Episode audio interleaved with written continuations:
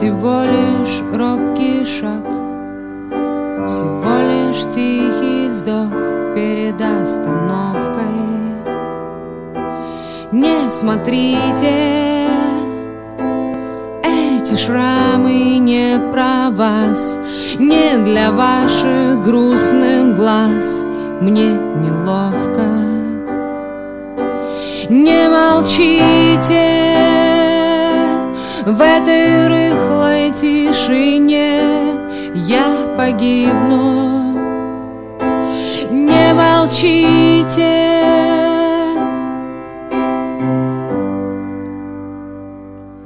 не стреляйте В этой комнате любовь Раздетая любовь Вы неосторожны Не просите Я боюсь не удержать Ваши руки удержать Слишком сложно не молчите в этой рыхлой тишине, я погибну. Не молчите.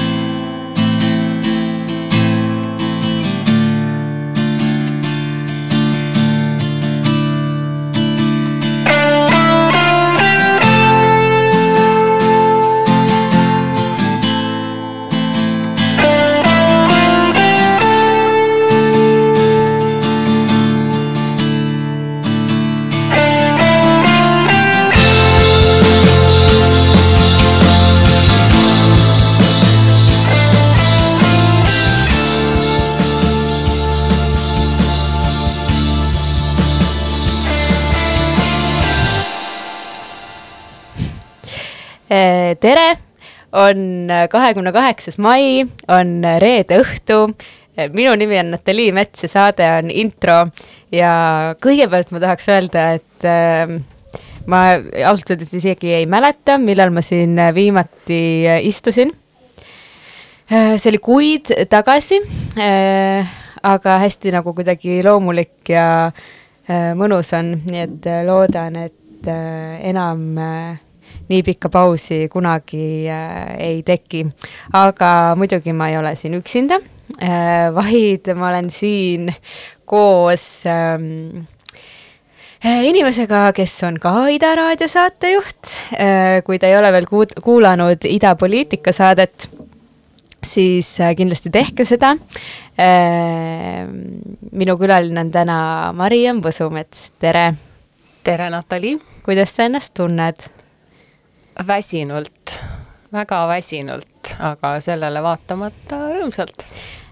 Sinu eh, filmi Kehavõitlus eh, esilinastus oli eile pärast mitmeid edasilükkamisi ja venitamisi on see nüüd lõpuks kinodes, palju õnne meile kõigile, et me oleme jõudnud selleni, kuidas siis eile läks eile läks äh, väga hästi, kuigi ma olin valmis, ma ei tea, see mu peas oli see esilinastus võtnud mingisugused mõõtmed, ma olin valmis, et see on selline ma olin valmis, et ma olen nagu noh, kuidagi nagu närvis ja ärevil ja pabinas, aga tegelikult see PÖFFi esilinastus võttis jala oluliselt rohkem värisema, nii et eile ma ütlen, läks täitsa siukse nagu mõnusa hooga, et äh, jah, väga, issand jumal, mul, ma olen nii kinni kiilunud. ei ole hullu, sa võtsid kaasa minu palvel ka mõned äh, lood, äh, millest ühega me saadet alustasime, mis see oli ja äh, mis põhjusel me seda mängisime? Me kuulasime Zemfirat saate alguses ja kui sa palusid mul kaks-kolm lugu välja mõelda, mida siia saatesse kaasa võtta, siis ma hakkasin mõtlema, et kas mul on mõni selline artist, kes mulle läbi aegade on, on meeldinud ja, ja läbi aegade mingisuguse sellise nagu jälje jätnud, et ma tema juurde ikka ja jälle tagasi pöördun ja Zemfira on kindlasti üks nendest artistidest. Ähm, äh, ja ta esines kusjuures Tallinnas viimati äh, alles, alles issand jumal, palun vabandust, ma ei oska rääkida täna. esines viimati Tallinnas aastal kaks tuhat kaheksa, kus mul õnnestus ka käia, Rock Cafe's oli selline väike intiimne kontsert arvestades selle kõrval, milliseid lavasid ja staadione ta Venemaal välja müüb, et tõesti täiesti grandioosne, suurepärane artist ja ta kirjutab kõik oma lood ise, neil on alati väga väga selline sügav sõnum, ta kirjutab muusika ise ja tegelikult see kontsert pidi toimuma aastal kaks tuhat seitse, aga kaks tuhat seitse oli meil pronksiöö ja siis Zemfira ütles, et kuulge, ma igaks juhuks ei tule, et lükkame aasta võrra edasi, aga aga jaa, see on üks selliseid artiste, kes, kelle muusika ja looming mulle väga, väga läheb korda äh,. väga hea ja mulle tundub, et sa oled nüüd jõudnud ise ka sellisesse staatusesse, et sinu looming läheb väga paljudele inimestele korda ja pean ma silmas äh, siis äh, su filmi mida ma siin äh, juba ka nimetasin, ehk siis äh, kehavõitlus, äh,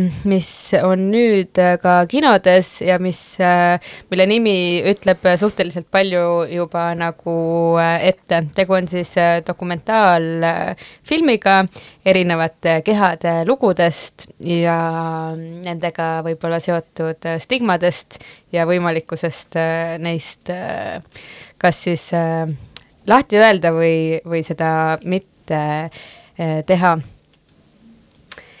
Ehm, see film, mulle tundub, on hakanud natuke nagu juba oma elu elama, sellepärast ma ütlengi, et, et see läheb inimestele korda, et äh, mõtlesid välja hashtag'i Instagrami ja inimesed on hakanud oma lugusid jagama jaa, see hashtag kehalugu, noh, tegelikult juba enne seda hashtag'i see teema, noh, ta peabki oma elu elama ja, ja ma tahakski ühel hetkel, et, et ma ei peaks olema selle teema eestkõneleja kuidagi niimoodi võib-olla natuke, natuke noh, ma saan aru, et kui sa selle filmi teed või mis iganes filmi sa teed, sa pead sellest teemast rääkima, aga mul on natukene iseendast sellel teemal rääkimas. Natukene võib-olla juba nagu, nagu küllalt, et ma tahaks, et, et see, et me laiemalt nagu noh, et inimesed julgeks rohkem sellega ka iseenda nagu perspektiivist mm -hmm. rääkida. ja, ja et ta tõesti võtaks nagu mingisuguse sellise oma elu, sest noh, ütleme, see on võib-olla sellise äh, hea kunstiteose tunnus, kui ta hakkab äh, ise, ise, ise elama. Äh, jaa, et see Äh, film siis räägib kuidagi üht või teistpidi silmapaistvate kehadega inimestest äh, ja siis ennekõike äh, nendest põhjustest, miks need inimesed näevad välja sellised, nagu nad näevad ja mis nende elus sellega siis ka kaasneb. me rääkisime sellest enne ka, et et äh, ERR-is on sind minu teada vähemalt kaks korda sellel teemal nagu kajastatud ja kuna sinust endast on ka kaader seal äh, filmis äh,, siis äh, need mõlemad kajastused nagu viitasid, üks viitas sellele, et sina ke kehastad seal nagu seda ilusat naist või naise nagu kaasaegset iluideaali ja siis äh, see teine äh, mainimine ERR-i arvustuses ütles, et, äh, et see sinu kümme sekundit seal, et see oli nagu edevuse moment. kui mina seda vaatasin, siis minule tund-, toimis see nagu hästi ausa nagu autobiograafilise ülestunnistusena, sest et mina nägin seal küll nagu Mariann Võsumetsa, aga kindlasti mitte nagu tervena ja kindlasti mitte terve ta ei saanudki seal olla, jah, mulle, mulle, mind, mulle läks hästi nagu korda ja südamesse tegelikult see, see mainimine selles arvustuses, et igal arvustajal on õigus ju filmi kohta öelda, mida iganes ta sellest arvab ja see kõik on väga-väga okei okay,, aga, aga jah, see nagu, see isiklikule arvele panemine ja selle nagu edevuse momendiks nimetamine äh, solvas mind, sellepärast et kui mina vaatan neid kaadreid, siis näen ma seal kõike muud kui äh, kui midagi ihaldusväärset, mul on kahju sellest inimesest, keda ma näen nendes kaadrites seal. Ja... aga kas äkki neile, kes ei ole veel seda filmi näinud, kas sa tahad ise kirjeldada seda kümmet sekundit? jah, see jutt, mis seal all käib nende kaadrite all. aga visuaalselt see, et, ka? Visuaalselt on seal üks photoshoot, mille me tegime Sveta Vintage'i jaoks aastal kaks tuhat seitseteist mhm. ja, ja me tegime sellest ka sellise nagu behind the scenes äh, video ja mul olid need kaadrid endal alles isegi vanas arvutis ja mul oli teisest küljest ka nagu puht praktiline probleem, et kust ma saan selle jutu illustreerimiseks mingisuguse sellise nagu nii-öelda iluideaalidele vastava Äh, pildi, mis ei oleks fotod, vaid mis oleks liikuv pilt.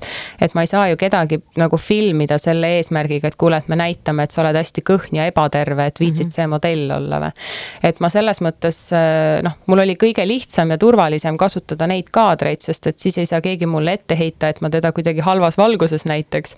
sest et see jutt, mis seal all käib, on ju see, et, ähm, et, et et see ei ole ohutu ja see ei ole tagajärgedeta, kui me saavutame mingisuguse sellise esteetika ja seal all on jutt iluideaalidest läbi aegade, et me võime, seal räägib üks kehakuvandi uurija Bristoli ülikoolist, kes ütlebki, et et noh, et me võime ajas tagasi minna kolmkümmend, nelikümmend, viiskümmend aastat ja naised iluideaale püüdmas ei ole mitte midagi uut. aga see, et see on nii normaliseeritud ja see, et teaduses räägitakse sellest kui normatiivsest rahulolematust ehk kui normaliseeritud rahulolematusest oma kehaga, mida valdav osa naisi igas ühiskonnas kogeb, siis vaatamata sellele, et see on nagu no noh, selline nagu justkui vaikimisi normaalne, ei tähenda, et see oleks ohutu ja see on, on seal kaadrite all kõlav nagu jutt ja see on selle stseeni point, et see stseen filmi mõttes ongi, ta ongi iluideaalidele pühendatud stseen.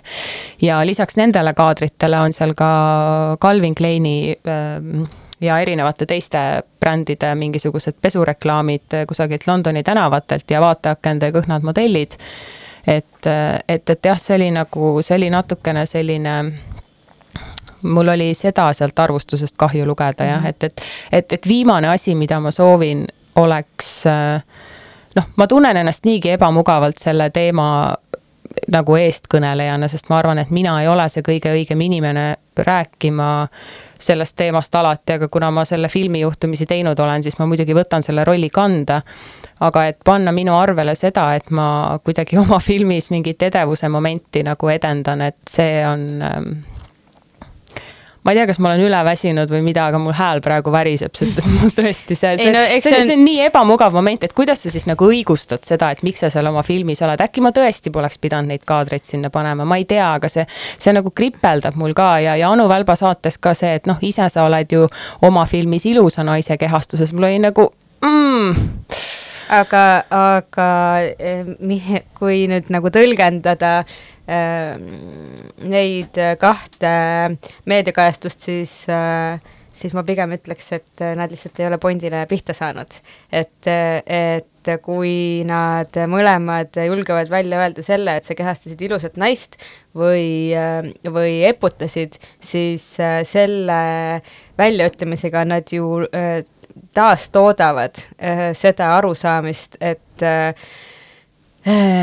nagu haiglaselt või nagu liiga kõhn naine on äh, ilus ja, ja, või et see oleks ideaal. miski, mille üle uhkust tunda. ma absoluutselt selle perioodi üle oma elus ei tunne uhkust ja ma ei tunne uhkust ka selle üle, et ma seda äh, tol ajal nagu kuidagi promosin või soovitasin, et kui ma tagasi vaatan, mul on selle perioodi üle piinlik mm, -hmm. aga ju ta oli vajalik selleks, et jõuda selleni ja, ja et et, et teha see film, see, see etapp minu elus oli vajalik selleks, et, et siis mõtestada see läbi ja teha see film ja osata otsida ja osata küsida neid asju, mida ma nende inimeste käest seal filmis küsisin. et ma absoluutselt ei, ei ole uhke selle perioodi üle ja, ja jah, ma ei tea, mulle nagu ei, ma jah aga kas äh, sa tahad rääkida sellest ka, et, et miks või kuidas äh, sina oma elus jõudsid selleni, et, et sa arvasid, et äh, äh, nagu füüsiline või visuaalne täiuslikkus äh, on see, mille poole peaks püüdlema? see on ka üks küsimus, millele ma kõikide nende intervjuude jooksul ei ole tegelikult kunagi nagu tahtnud vastata ja teadlikult ei olegi vastanud. Ja võib-olla miks ma mõtlesin, et ma sulle sellest räägiks, on see, et et nii-öelda noh, sellises nagu suurtes meediakanalites, esiteks sul on see piiratud aeg, on ju, et sa ei, sa ei saagi ja noh, kui ma tõesti sellest räägiks, siis ma peaks selleks võtma aega, ma ei taha seda kuidagi kahe lausega mingisuguse nagu copyright tekstina kuidagi ära pakendada ja öelda, et vot minuga oli nii, aga samas ma ei taha ka seda, et kõlama jääks mingisugune selline pealiskaudne arusaam, et Võsumets tegi hästi palju trenni, sai aru, et see pole lahe, siis tegi filmi et ma ei taha ka, et selline nagu ähm, lihtsustatud sihuke mingi primitiivne käsitlus minust nagu kõlama jääks, et ähm, et palju on, noh, me oleme palju rääkinud sellest, et, et äh, seal on alati selline äh, lähisuhete küsimus, seal on alati nagu enda väärtustamise küsimus. ja minu jaoks ammu enne, kui üldse see mingisuguses välimuse muutmises äh, avaldus, siis minu jaoks on äh, alati olnud selline nagu kurb koht minu elus see, et ma ei ole oma vanematega kummagagi kunagi väga lähedane olnud ja see on miski, millest ma olen terve elu puudust tundnud. ja, ja väga väikesest saati ka, et et selline emotsionaalne lähedus ja, ja, ja tunnustamine ja, ja julgustamine ja toetamine on miski, mida ma nagu subjektiivselt tajun, et et ei ole, ei ole minu elus olnud väga palju ja, ja ma olen alati ja, ja minu nagu nii-öelda saavutused või, või kasvõi kooli ajal mingi õppimistulemused, mis olid alati laitmatud, olid alati võetud nagu enesestmõistetavana. ja, ja, ja ma, ja ma olen tundnud sellest ajast saati, et ma pean kogu aeg äh, pingutama ja saavutama järjest rohkem, et kuidagigi oma vanemate mingisugust tähelepanu või, või tunnustust nagu pälvida.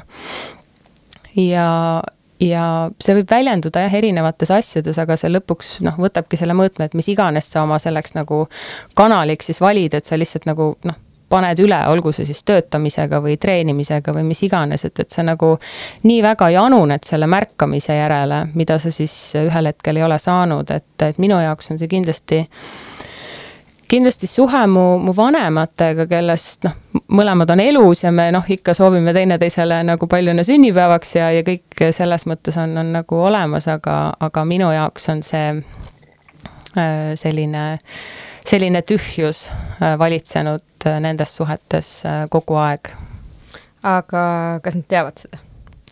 ei tea, ma arvan, et nad ei kuula ka seda saadet äh, no eks me nüüd jõudsime ka nagu selleni, et mis üldse tekitab inimestel kehaprobleeme, ongi äh, igasugused erinevad nagu äh, kiiva läinud lähisuhte vormid ja sealt ju filmist tuleb see ka kõik äh, välja.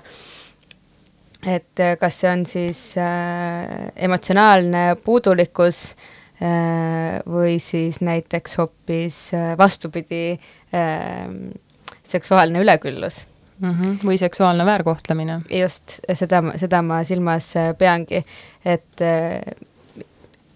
millised äh, on sinu teadmised sellest, kuidas äh, kas siis varajases lapsepõlves või, või hiljem seksuaalne väärkohtlemine, äh, milliste tulemusteni see võib viia?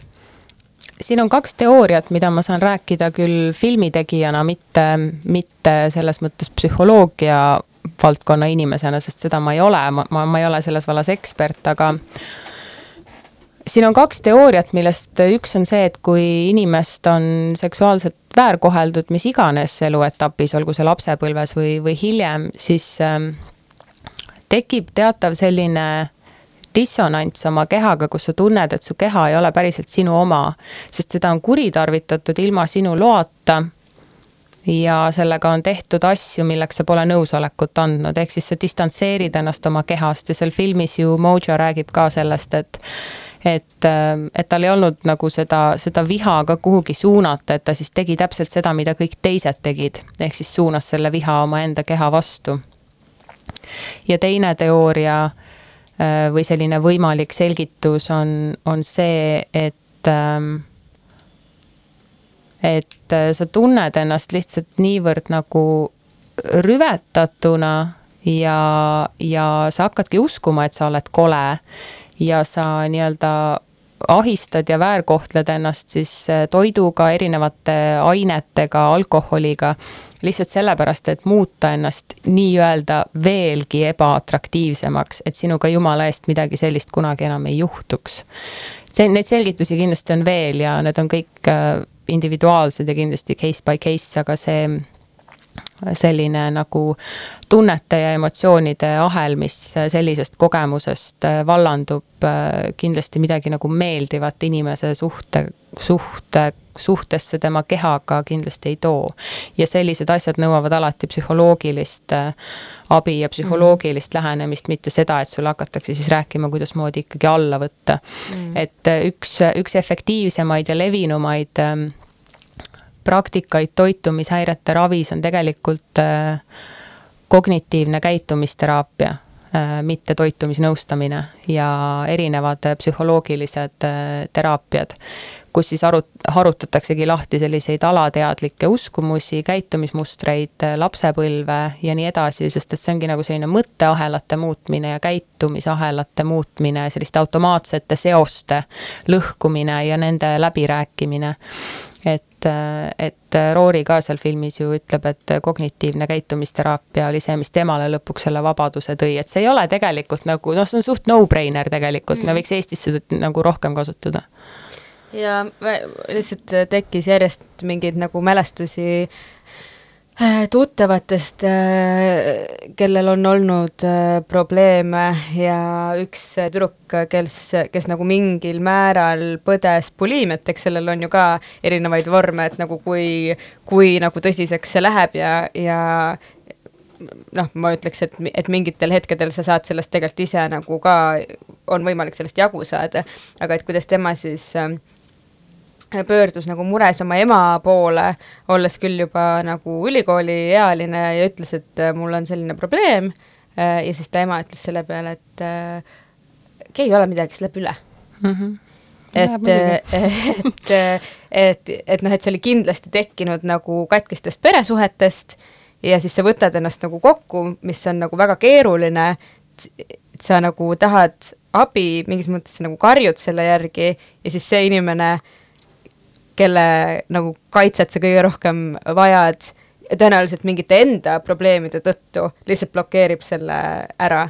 et noh, minu teada äh, on nagu selle tüdruku tervis äh, siiski korras, aga, aga see noh, et nüüd me nagu räägime nendest teemadest nagu rohkem ja, ja, ja meil on mingid teadmised ühiskonnas ja nii edasi, aga et tegelikult ähm, tegelikult see on nagu noh, see võib olla nagu niisugune täielik äh, surnud äh, ring ka, aga teeme pausi selles mõttes, et kuulame järgmist lugu, mis sa oled äh, kaasa võtnud, kas sa tutvustad selle palun sisse? ja järgmine lugu on Stormzy live esit-, esituses Blinded by a Grace kaks tuhat üheksateist aasta Glastonbury festivalilt.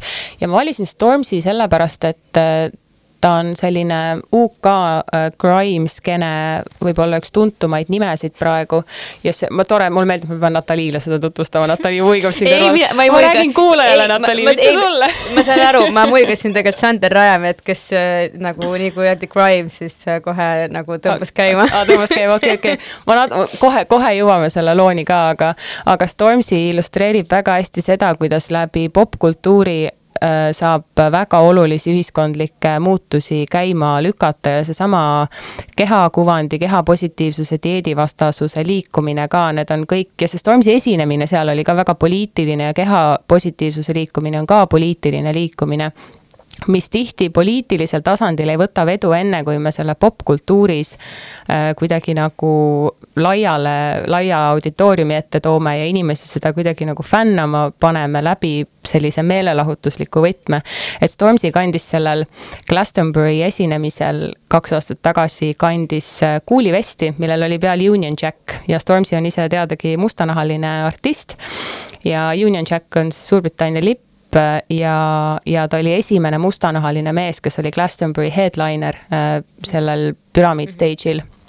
Ja see oli hästi-hästi võimas, see koor tema taga on äh, hästi, on kümned, kümned koorilauljad, kes on kõik mustanahalised ja see oli tohutult võimas, võimas etteaste ja, ja huvitav ongi see, Stormzy on hästi palju äh, finantseerinud mustanahaliste noorte õppimist äh, Suurbritannias ja, ja lihtsalt huvitav mõelda, et selline aasta, aasta enne, kui Black Lives Matter, enne kui George Floydi sündmus toimus, et tegelikult need liikumised on kogu aeg igal pool ja, ja popkultuur ja poliitilisus äh, õnneks on järjest rohkem nagu käsikäes käimas, nad on küll alati käinud, aga aga, aga see Stormzy etteaste on, on äh, hästi märgiline. väga hea, kuulame. Help me out, please. We're gonna take this to church. And we're gonna give God all the glory right now. We're giving God all the glory right now. Let's go, man. Help me out. Blinded by your grace. Sing along, sing along. I'm blinded by your grace, by your grace. I'm blinded by your grace. I'm blinded by your Lord. I've been broken, although I'm not worthy. You fix me. I'm blinded. Sing along by your grace. Sing along.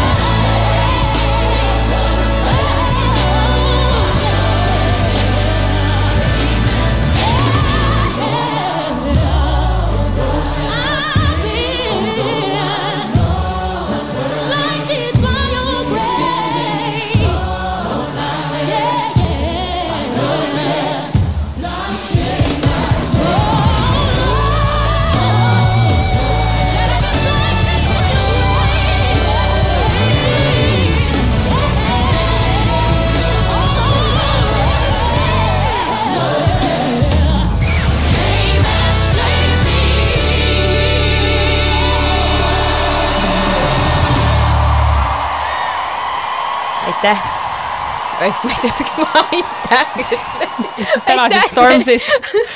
oli liigutav.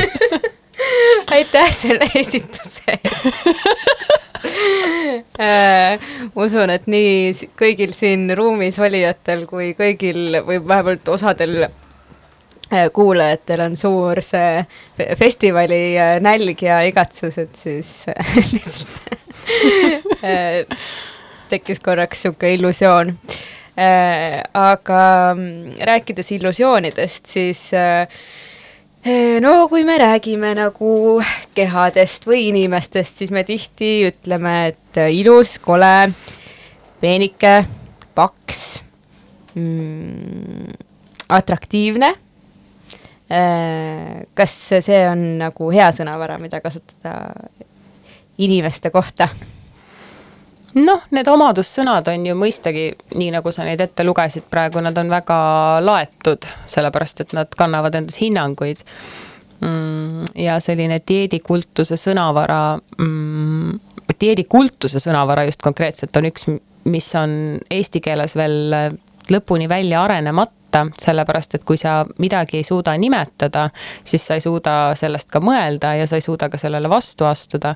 et juba alles siis, juba alates sellest, kui me hakkasime PÖFFi ajal tõlkima filmi jaoks subtiitreid, me mõtlesime, no nii, kas see nüüd on dieedikultuur või on see dieedikultus või on see dieedimentaliteet kuidas me kasutame seda erinevat terminoloogiat, mis seal filmis kõlab. et fat phobia, weight stigma, thin privilege um,. Need kõlavad eesti keeles nagu kaunis kohmakalt ja, ja tihti mulle tundub, kui ma neid sõnu eesti keeles kasutan või kui ma neid eesti keeles kirjutan, siis ta jätab nagu natukene sellise nagu ambivalentse mulje või ma ei ole kindel, et see on lõpuni mõistetav, kui neid sõnu eesti keeles öelda, aga see terminoloogia on hädavajalik selleks, et me saaks rääkida kuidagimoodi dieedikultusest. ja teine asi on see, et kõik, mida me ei tunne, et see hirmutab meid ju ka, et mm -hmm. kui kasutataksegi väljendeid, mida sa ei ole varem kuulnud, et siis äh, võib olla väga palju inimesi, kes võtab lihtsalt blokeeriva hoiaku, sellepärast et ta tegelikult ei äh, saa aru jah, mingi keeruline terminoloogia, keegi tuleb jälle midagi õpetama, et noh, mis me nüüd teeme. ma mäletan ühe sõnaga me olime küll niimoodi, et ma ei suutnud ise välja mõelda ega ei suutnud ka tõlkija, et kuidasmoodi me peaks tõlkima eesti keelde seda mm, ütle nüüd mulle, see, mille me lõpuks tõlkisime suutmissurveks tõn-tõn-tõn-tõn-tõn, mul on juheni koos, reede õhtul mul on juheni koos, ma panin, ma mäletan, Aet Kuusik vastas mulle selle peale, ütles, et see sõna on eesti keeles suutmissurve, don't fuck this up. see on äh, no mul varsti tuleb meelde, siis ma ütlen. ja mingi. aga see on ka kahtlemata nagu kogu selline puudega inimeste nii-öelda radikaalne kehapoliitika on vägagi seotud dieedikultuse vastuastumisega, sest Imogen ütleb seal filmis ju väga hästi, et temal tuli see nagu ähm, selline lightbulb moment äh, selle dieedikultusega niimoodi, et ta oli kogu aeg olnud nagu selline radikaalne puudega inimeste õiguste eestkõneleja mm, -hmm. ta ütles, et ühel korral käis nagu plõks ära, et et ta sai aru, et kõik see, mida see esindab, esindab täpselt samamoodi nagu dieedivastasust mm.. ja, ja see anti-diet ja, ja, ja kogu nagu see sõnavara, et, et noh, eesti keeles dieedivastasus isegi nagu kõlab nagu enam-vähem okeilt. aga kui sa hakkad ikkagi mõtlema, noh, sa pead ikkagi inimestele selgitama, et mis dieedivastasus või siis mm -hmm. nagu mille vastu te olete mm, -hmm. et mis mhm. siis dieetides halba on ja et, et noh, ma tunnen, et see sõnavara vaikselt nagu ähm, areneb ja, ja tuleb ka kaasa, aga on palju asju, mis lihtsalt eesti keeles kõlavad väga kohmakalt, fat phobia äh, noh, paksufoobia, see noh, sa saaksid, sa oled juba nagu kuidagi nagu natukene nagu selline kuidagi primaat, kui sa nagu ütled noh, noh, paksufoobia mm, -hmm. sest kõlab nagu kuidagi nii infantiilselt mm. -hmm. üks asi on see, teine asi mulle tundub ja no ilmselt see on ka teistes ühiskondades niimoodi, aga et ikkagi äh, ka nagu keeruliste sõnadega äh, ebamugavatest ja võõrastest teemadest rääkimine annab teatud grupile ühiskonnas hästi head relvad seda naeruvääristada mm. -hmm. see sõna on ableism, mis mul meelde mm -hmm. ei tulnud mm. -hmm. ja kõige huvitavam on vaadata näiteks seda, kuidasmoodi Suurbritannia meedias, mida ma igapäevaselt jälgin ja erinevates meediakanalites, sealhulgas teles ja, ja trükipressis ja mitte mitte ainult The Guardianis, vaid igal mm -hmm. pool The Timesis ja konservatiivsemates väljaannetes ka. see sõnavara, kui me räägime kasvõi sellest ableismist, on ju, et see on nagu nii normaliseeritud, et keegi enam ei vaidle selle üle, kas selline asi nagu suutmissurve üldse on olemas. ja see tähendab siis võib-olla kuulajatele, kes kursis ei ole, see tähendab siis nagu seda, et me eeldame puudega inimestelt nagu sellist äh, võimekust, kogu mhm. aeg valmisolekut ja võimekust, milleks neil ei pruugi olla füüsilist või vaimset ressurssi et, et Eestis me alles vaidleme, kas selline asi nagu suutmissurve on üldse olemas, kas kaalustigma on üldse mingi asi või on see mingi vasakpoolsete mhm. mingisugune slur mm -hmm. jälle, kas, kas vähemuste teemad on olemas, on ju, et, et seal see sõnavara on olemas ja selle, selle sõnavaraga opereeritakse ja see võimaldab rääkida mm -hmm. nagu päris asjadest ja asjadest, mis ei ole sul nagu äh, noh, asjad, mis ei ole nagu tangible mm -hmm. ehk siis sa tead, et nad on olemas, aga nad ei paista silma füüsilisel kujul, aga mingid sellised ühiskondlikud nagu protsessid ja mehhanismid mm. -hmm. ja see aitab debatti edasi ja Eesti debatti ei aita nagu väga miski edasi äh,. välja arvatud võib-olla selle debati nagu algatamine või, või püüd tekitada, mida kindlasti see äh, sinu film teeb ja ma loodan, et see jõuab ka äh, jõuab ka nagu konservatiivsemate inimesteni ähm,. Riina, Riina Solman like'is ühte postitust, mis rääkis sellest filmist äh,. no mina puutusin siin kokku paar päeva tagasi sellise äh, Facebooki grupiga nagu Meediakriitika äh,, kus on neli tuhat äh, liiget ja kuhu minu üks äh, menstruatsioonist tingitud vaesuse teemaline äh, arvamuslugu. kas sa tahad tsiteerida seda?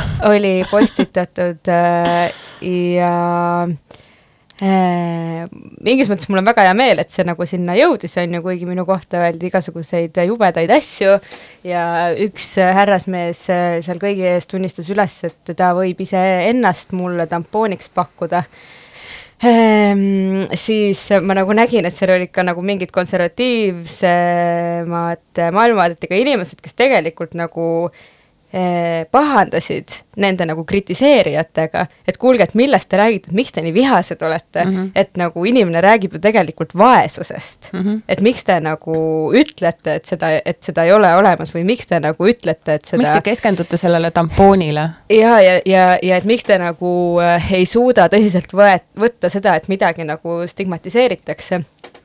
Nii et kuigi äh, kogu austuse juures ma kardan, et see sinu Vikerkaare äh, lugu on võib-olla selle grupi jaoks natuke liiga pikk siis ma loodan, et midagi sellist äh, sinna ka jõuab, sest et, et kuidagi peab neid, neid nagu väljendeid ja seda nagu mõttelaadi noh, nagu tutvustama ja levitama ja natuke nagu neid seemneid puistama laiali. Postimees, mis on oma konservatiivsusest tuntud, seal äh, Hendrik Alla kirjutas filmi teemal, ta teeb seal filmisaadet, kus ta mainis kehavõitlust ka ja ja ta ütles, et ta et noh, et peab, peab filmi vaatama selleks, et aru saada, kas ikkagi on kõige taga see meeste juhitud meedia ja kas tõesti tuleb hakata nüüd patriarhaadilt reparatsioone nõudma, nagu kirjutab Usumets oma Vikerkaare artiklis. ma ei oleks selles nii kindel.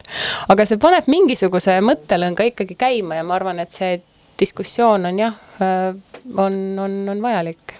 aga no sa enne mainisid siin ka Äh, Calvin Kleini ja teisi äh, äh, moebrände, kes äh, siis nagu ajalooliselt äh, ongi meile sisestanud seda nagu äh, Barbi ja Kenni äh, tüüpi inimese keha äh, ideaali, aga nüüd tegelikult äh, üha enam äh, on neid brände, kes äh, siis juba sõnavara kasutades äh, kas, äh, ka, äh, on nagu kehapositiivsed, ehk siis lisaks sellele ideaalsele kehale ähm, kajastavad ka nagu kõike muud nüüd minu küsimus on hoopis see, et kas see, et mingid suured brändid oma karma võlga pesevad puhtaks sellega, et nad ikkagi oma toodete müümiseks kasutavad siis ebatraditsionaalse nii-öelda äh, välimusega inimesi, et kas see tegelikult on siiras ja hea?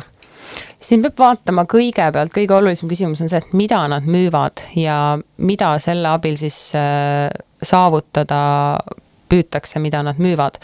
et iseenesest on vajalik, et me normaliseeriksime erinevaid kehasid ja absoluutselt kõik runway'd ja ja vaateaknad peaksidki seda tegema ja kõige naljakam on alati see, et me nagu räägime erinevate kehade normaliseerimisest, et me peame võitlema selle mänguväljaku osa pärast, mis tegelikult kuulub juba nagunii kõikidele inimestele, lihtsalt ainult üks väike osa on võetud neist välja. Need saledad ja kõhnad ja nemad on siis nagu ebaproportsionaalselt esindatud, et see on nagu väga huvitav, et me räägime nagu erinevate kehade nagu representeerimisest, olgugi et ühiskonnas on nad ju kõik esindatud, lihtsalt millegipärast moetööstus ja brändid on valinud sealt nagu väga väikse killukese, keda nad esindavad. Mm, kui selle brändi eesmärk on, kui see on mingisugune ka-, kaalulangetus, mingisugune toode või kui see on mingi dieeditööstuse firma ja kui tema kasutab sellist kehapositiivset sõnumineerimist Äh, siis see ei ole okei okay,, et sa noh, nad äh, sellega nagu lahjendatakse seda dieedivastasuse sõnumit äh, päris efektiivselt, sest inimestele tundub, et oh, et nüüd ma olen justkui nagu seisan õige asja eest, aga samas selle nagu sihuke underlying kontekst on ikkagi see, et, et tegelikult ikkagi teatud kehad on õigemad ja paremad kui teised.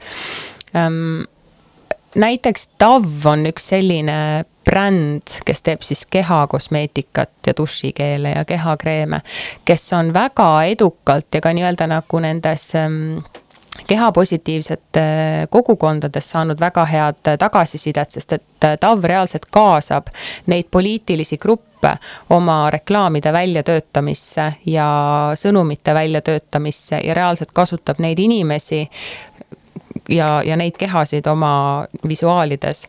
Mm, Eestis on ka see väga ettevaatlikult nagu me kompame seda piiri, et äh, Trade House ja, ja Tallinn Dolls on vist teinud mingid sellised nii-öelda, et erinevad kehad, erinevad naised, et sa ei saagi nagu täpselt aru, kas nad üritavad siis nagu erinevatele kehadele mängida või mis erinevusele nad mängivad, aga see lõpeb ikkagi sellega, et jah, seal võib-olla on erinevad nahavärvid.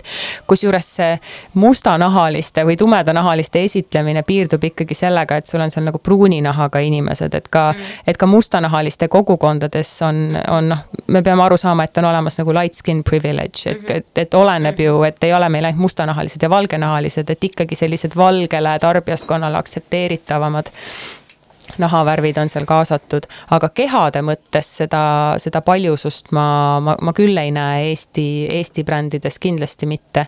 et ma tean, et Trade House sai väikse backlash'i siin ka äh, hiljuti, kus ta siis vastas, et oi, et meie mõte ei olnud tegelikult üldse erinevaid kehasid nagu näidata, vaid lihtsalt näidata seda, et meil on hästi erinevate huvidega naised siin reklaamis. no keda see huvitab, no ma saan aru, kui sul on kümme inimest pildi peal, tõenäoliselt neil on erinevad huvid, noh, tõesti Äh, aga mm, kui me elaks praegu äh, Prantsuse revolutsiooni ajal, siis äh, taaskord vaadates kõiki siin ruumis viibijaid, kes on ikkagi, ma arvan, enam-vähem normaalkaalus, et kas siis me vaataks teineteist või kui keegi meid vaataks, kas meile siis tunduks, et, et tekiks mõte, et see on kole, sellepärast et iluideaal on nagu lopsakad, vähemalt lopsakad naised ma ei tea, kas ta mõtleks, et ta on kole, võib-olla ta mõtleks, et ta ei ole nagu eriti selline nagu jätkusuutlik või eriti võib-olla fertiilne või eriti nagu selline töövõimeline või. Eh, kusjuures jaa, kõige iluideaalidest rääkides ja vaadates ajast tagasi, siis äh, renessansi aeg oli see aeg, kus äh, ja, ja sellest edasi ka nagu selline viktoriaanlik ajastu, kus, äh, kus oli nagu ikkagi selline laiad puusad, suurem tagumik, ümar kõht ja selline nagu oli nagu selline fertiilsuse kehastus mm -hmm. ja noh, me näeme nagu renessansi maalidel seda ka hästi. mis viktoriaanliku ajastu erinevus võib-olla on, on see, et siis tuli korsett mängu ja hakati seda liivakella figuuri rohkem push ima. aga ütleme nii, et selliseid naisi on ju ühiskonnas kogu aeg olnud, nii enne seda kui pärast mm. seda. aga jah, seal kahekümnendad tõi esimest korda nagu sellise moetööstuse arenedes ka, tõi sellise väga slimmi sellise ja, ja hästi mm -hmm. nagu lameda rinnaga iluideaali ja siis ütleme alates eelmise sajandi algusest kuni tänase päevani on see nagu selline liivakell, väga sale, liivakell, väga sale mm., niimoodi nagu vaheldumisi kuidagi enam, enam, enam-vähem käinud.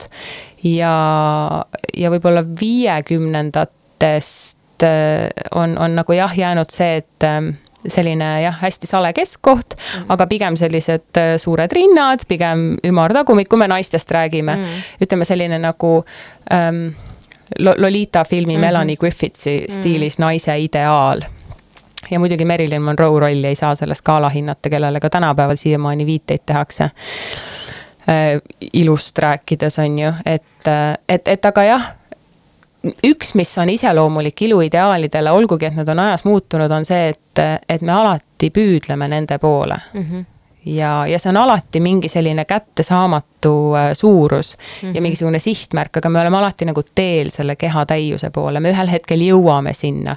sa pinguta natuke veel, sa ühel hetkel jõuad sinna. ja, ja siis on mõned inimesed, kes geneetiliselt, äh, kellel on lihtsam kuidagi saavutada seda võib-olla, äh, siis, ähm, siis noh, see tekitabki selle kehade hierarhia jah, et, et kui sa räägid, kuidas, et et pinguta veel ja siis sa oled varsti kohal, et see tegelikult kõlab ju nagu mõnes, nagu treener mõnes rühmatrennis, et, et natuke veel, natuke veel, siis sul on tehtud, siis ja õhtul võid lubada endale pool küpsist ja suvi on varsti tulemas, et, et see noh, et me oleme nagunii ümbritsetud sellest kogu aeg, et sa pead Äh, sa ei ole täiuslik piisavalt, sa pead nagu veel pingutama, sul on veel nii palju minna ja tegelikult kogu see trennikultuur, äh, mille peale nagu jõusaalid on oma brändid nagu üles ehitanud, et vaatad, teed seal trenni, siis vaatad neid nagu ähm, paljudes jõusaalides on ju äh, seinad äh, nagu kaetud mingite üleelu suuruses nagu superilusate kõhulihastega mm -hmm. ja muude lihastega nagu inimestega on ju, siis teed trenni ja et niimoodi, et ma ei jõua mitte kunagi sinna. kusjuures mul on isegi üks sõbranna, kes lõpetas äh, rühmatrennides käimisest, ta ütles, et, et tal, teda nagu nii hullult häirib see, et need trennid on üles ehitatud kaasaja ilu ideaalidele, et nagu hästi popp on praegu, et nagu naiste tagumikud oleks veits nagu suuremad mm. -hmm. ja siis ta on niimoodi, et aga see ei ole üldse see, mida ma nagu tahan, see on see, mis mulle nagu Instagrami scroll ides kogu aeg nagu vastu vaatab ja nüüd see on mul ka nagu treeningssaalis. aga kui paljud naised mõtlevad nii nagu sinu sõbranna, ma arvan, enamus vaatab, et sa scroll'id Instagramis, okei okay,, see on õige, siis sa lähed vaatad seal MyFitnessi kodulehel, sul on butt lifting ja butt mm -hmm. toning ja kõik need on nagu sinna butt'i ümber ehitatud mm, -hmm. see treeningute nimetused ka ja sa ei äh,, ei seagi seda küsimärgi alla, vaid sa lähed sellega kaasa, mõtled, okei okay,, järelikult see ongi see, mida me peame tahtma. absoluutselt, aga see sõbranna on ka selline, kes on nagu äh, nooremana äh, läbi põdenud äh, toitumishäired et.... ja tegelikult toitumishäire läbi põdenud inimene oskab väga hästi märgata seda dieedikultust meie ümber ja ta oskab väga hästi märgata ka seda, kui kellelgi seltskonnas on äh, problemaatiline käitumine toitumise ümber, et, äh, et see on tegelikult, see on hästi selline nagu distinkt nagu omapärad ja asjad, mida selle juures märgata, et see on, ähm, sa tunned ära nii-öelda ähm, Äh, ma, ma oleks tahtnud öelda omasuguse, aga see ei oleks praegu pädev, kui ma seda ütleks. Äh, sa kirjutad Vikerkaares ja rääkides nagu tervisest, ka sellest Tervise Arengu Instituudi ühest kampaaniast, mille eesmärk oli panna inimesi rohkem äh, juurvilju ja puuvilju sööma mm. -hmm. aga see sõna, sõnum ja ma ei oska nagu peast äh, tsiteerida, aga oli a la mingi sihuke, et kaalikas kanni ei kasvata mm -hmm. ja nii edasi mm. -hmm. et kas nagu ühelt poolt, et see oli siis äh, nagu kampaania, et panna inimesi rohkem juurvilju sööma, aga samas see oli ka kampaania nagu nende vaimse tervise kahjustamiseks või ma küsisin oma äh, kahe Gen Z kolleegi käest, et ma kirjutasin seda samal ajal ja, ja ma küsisin, et kuulge, et kuidas teie sellest aru saate, kui te näete kampaaniat, et kannik, kaalika ka,, kannikas, kaalikat ei kasvata ikka kasvatab. kampaaniat, et porgand pihta ei paisuta ja Peet Põske ei punnita. et millest see teile räägib, kuidas te sellest aru saate? üks kahekümne kolme aastane noormees ütles, et aa noh, see nagu tähendab seda, et noh, no gains nagu, et see on nagu purksi vaata, et noh, et kaalikas kanni ei kasvata, kui ma tahan nagu kanni kasvatada, siis mul on nagu hashtag gains'i nagu vaja. ja ma olin nagu, et oot-oot-oot-oot-oot, okei okay. ja siis ma sain aru, et tema mõtleb nagu hoopis nagu siukse noh, nagu, nagu teistest parameetritest sellest ja, ja noh, muidugi äh, see noorem naiskolleeg ütles, et, et noh, et nii ikka ei ole ikkagi ilus öelda mm. -hmm aga jah, siis sõnavalik, noh, ma saan aru, et see kõlab hästi ja need kõik äh, algavad sama tähega ja see on kuidagi nagu slogani mõttes võib-olla nagu tundub sihuke fun ja noh, lähme, lähme siis sellega. aga ta on noh, noh, see ju seab jälle nagu noh, ta, ta, ta tekitab, ta võrdsustab tervisesaladusega mm -hmm. väga lihtsalt öeldes, midagi muud see kampaania ju ei teegi, et, et, et see on Tervise Arengu Instituut, ta peaks promoma tervist, aga antud juhul ta promob lihtsalt seda, et su piht oleks peenike, et su kann ei kasvaks ja et su põsk ei paisuks mm. -hmm. E noh, jah. aga siis samal ajal me loeme, kuidas Eesti lapsed eh, on ülekaalus jah te, tervise, ütleme rahva tervise organisatsioonid on raskes olukorras ja nende ees on väga suured väljakutsed ja nad kõnnivad mõnes mõttes ikkagi nagu munakoortel, et mitte teha rohkem kahju oma sõnumitega, aga samas ka kuidagi seda kõike nagu edendada. et ma kindlasti ei taha ei oma filmiga ega sellega, millest ma räägin, jätta nagu seda muljet, et et me ei peaks julgustama inimesi treenima, et me ei peaks julgustama neid tegema rohkem toitainerikkaid valikuid. et küsimus ei ole ju selles, et kas süüa või mitte süüa, küsimus on selles, kui kvaliteetselt me sööme, kas me teame, mis, mis on kvaliteetne, mis see toitaine nii-öelda rikkus siis ikkagi nagu tähendab, on ju, mis nende toitude vahe on, aga samas, et me ei muutuks nagu ekstreemseks neid valikuid tehes. ja kui jah, küsimus ongi selles, et kuidas me suudame edendada tervislikke harjumusi mm, -hmm. mitte kuidas me suudame vähendada inimeste kaalu mm. -hmm. ma arvan, kui see fundamentaalne shift ära teha mm -hmm. kasvõi ainuüksi Tervise Arengu Instituudis, siis see suunab palju jätkusuutlikumate kampaaniateni edaspidi. ja see kampaania ei tohi kindlasti olla üles ehitatud enda võrdlemisele või vastandumisele, mida see Kaalika kampaania tegi ja mida ka Haigekassa kampaania, kus äh, olid siis toodud äh, erivajadustega inimesed ja, ja noh, nii-öelda erinevad inimesed, kellel justkui on mingisugune füüsiline takistus, miks ta ei saaks trenni teha. ja siis see kampaania sõnum oli see, et, et näed, et sellel mehel siin ei ole ühte jalga, aga ta ujub ikkagi rohkem kui sina ma tahtsingi järgmisena jõuda selleni, et tegelikult, kui meil on nagu äh, ülekaalulisuse probleem äh,, et et äh, siis äh, kas riik ei võiks ennast nagu ikkagi äh, kokku võtta ja mõelda ka sellele, et võib-olla see, miks nagu mingid inimesed hommikust õhtuni rattastrateegiast soiuvad, võib ka või, või nagu mingite ma ei tea, mäng, mängu ja sportimisväljakute nagu kõigile kättesaadavaks tegemisest räägivad, et, et asi ei ole lihtsalt selles et me tahame nagu kaasaegset moodsat põhjamaist linnaruumi, aga kui sellel äh, nagu üheteist või kaheteistaastasel või mis iganes vanuses inimesel äh, ei olegi äh, toas arvutis olemisele alternatiivi et siis tekibki see rasvumine, et, et ega see kaalikas selles mõttes teda ju ainult tervena ei hoia, et tal on ikkagi vaja nagu muid toitaineid ka, aga tal on vaja ennast ka nagu äh, liigutada ja väljas olla ja kõik see, et see kõik on ju nagu üks väga-väga suur, suhteliselt keeruline, aga nagu tehtav äh, nagu skeem meil on vaja poliitiliste otsustega kujundada inimestele keskkond, kus enda tervise eest hoolitsemine ja parimate valikute tegemine on võimalikult lihtne.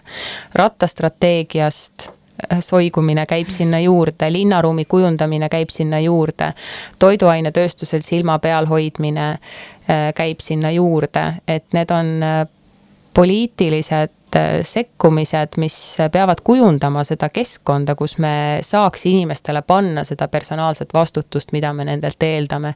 et Eestis meil veel ei ole neid toidukõrbeid mm, -hmm. kus meil on väga raske teha Äh, valikut selle kasuks, mis on värske ja toitainerikas, aga, aga ühel hetkel see võib nii minna, ma ei näe praegu midagi, mis seda võiks nagu takistada, peale selle, et lihtsalt suured korporatsioonid ei tunne võib-olla iga Eestimaa nurga vastu veel seda huvi, et äh, Paidesse ja Viljandisse nagu üks McDonalds teise järgi panna, sest siin pole lihtsalt seda turgu mm. -hmm. küsimus ei ole selles, et meil oleks tohutult hästi see reguleeritud või et meie rahvatervise saadikud oleks tohutult palju nagu ennetustööd teinud, küsimus mm -hmm. on lihtsalt selles, et siin pole seda turgu, mida rikkuda, ehk siis meil ikkagi on veel saadaval suhteliselt adekvaatse hinnaga äh, täisväärtuslikku toitu. aga sellegipoolest näiteks äh, Tallinnas äh, vanas jaamahoones, mis oleks võinud olla suurepärane ma ei tea, sündmuste korraldamise ruum või näitusesaal, et sinna me lasime teha Tallink Ekspressi ja Burger Kingi ja mm, -hmm. ja kui see Mhm. Burger King tuli, siis oli nädalaid ja nädalaid pikad äh, järjekorrad, sellepärast et kuidagi on nagu võimas ja lahe see. no raha dikteerib ikkagi, raha dikteerib jah. aga Äh, tehke, tehke, võtke midagi ette. sina konkreetselt. Äh, ja praegu ma võtaks ette selle viimase loo, mis sa oled valinud äh, siia saate lõpuks. kas sa palun juhataksid selle taaskord sisse? Eh, võib-olla meie eelmist juttu arvestades, siis olgu öeldud, et tegemist on ühe väga saleda inimesega, kes meile nüüd hakkab, hakkab laulma, soovimata üldse kuidagi saledust promoda, olgu siis öeldud um, me kuulame David Bowie ühte kõige ägedamat lugu, millel on kõige ägedam muusikavideo ka kaheksakümnendate lõpust. ja David Bowie on selles mõttes ju äge, äge mees, et tema mängis äh, erinevate sooidentiteeti, no mitte sooidentiteetidega otseselt, aga oma riietuses ja sellises äh, lavalises äh, performatiivsuses ta oli ikkagi väga selline ambivalentne ja tema puhul ei, ei, ei küsinud keegi nagu, et mis tal viga on või et kõik olid, et oh, et jumala lahe, et et ja, ja ta on nagu alati noh, teda küll ei ole enam, aga ta on alati olnud nagu kuidagi hästi eluterve kõiges selles, mis ta teinud on. Ja ma soovitan hästi kuulata tema intervjuusid näiteks üheksakümnendate lõpust, kus ta räägib näiteks sellest, kuidasmoodi internet hakkab meie elu kujundama üsnagi prohvetlikult tegelikult, et David Bowie tasub ikka ja alati nagu avastada ja taasavastada. ma lockdowni ajal vaatasin hästi palju dokke temast. Ja siis ma sattusin mingisugusesse uudsesse uude vaimustusse temast. aga Ashes to Ashes'i äh, muusikavideo on äh, hästi lahe. aga mm, sellega me lõpetame selle saate. aitäh sulle, Mariann, et sa tegid selle filmi, aitäh, et sa tulid siia saatesse, aitäh, et sa rääkisid äh, minuga oma loost ja ma soovin sinule ja sellele filmile ja su tegemistele väga-väga palju edu. aitäh, et sa kutsusid mind. head aega.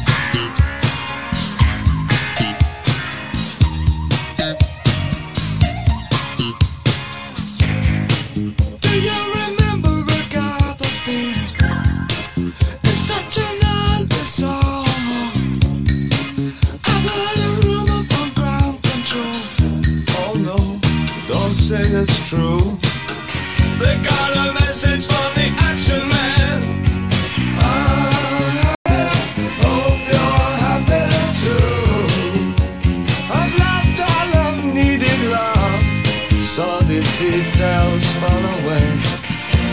The shrieking nothing is just pictures of and. And I ain't got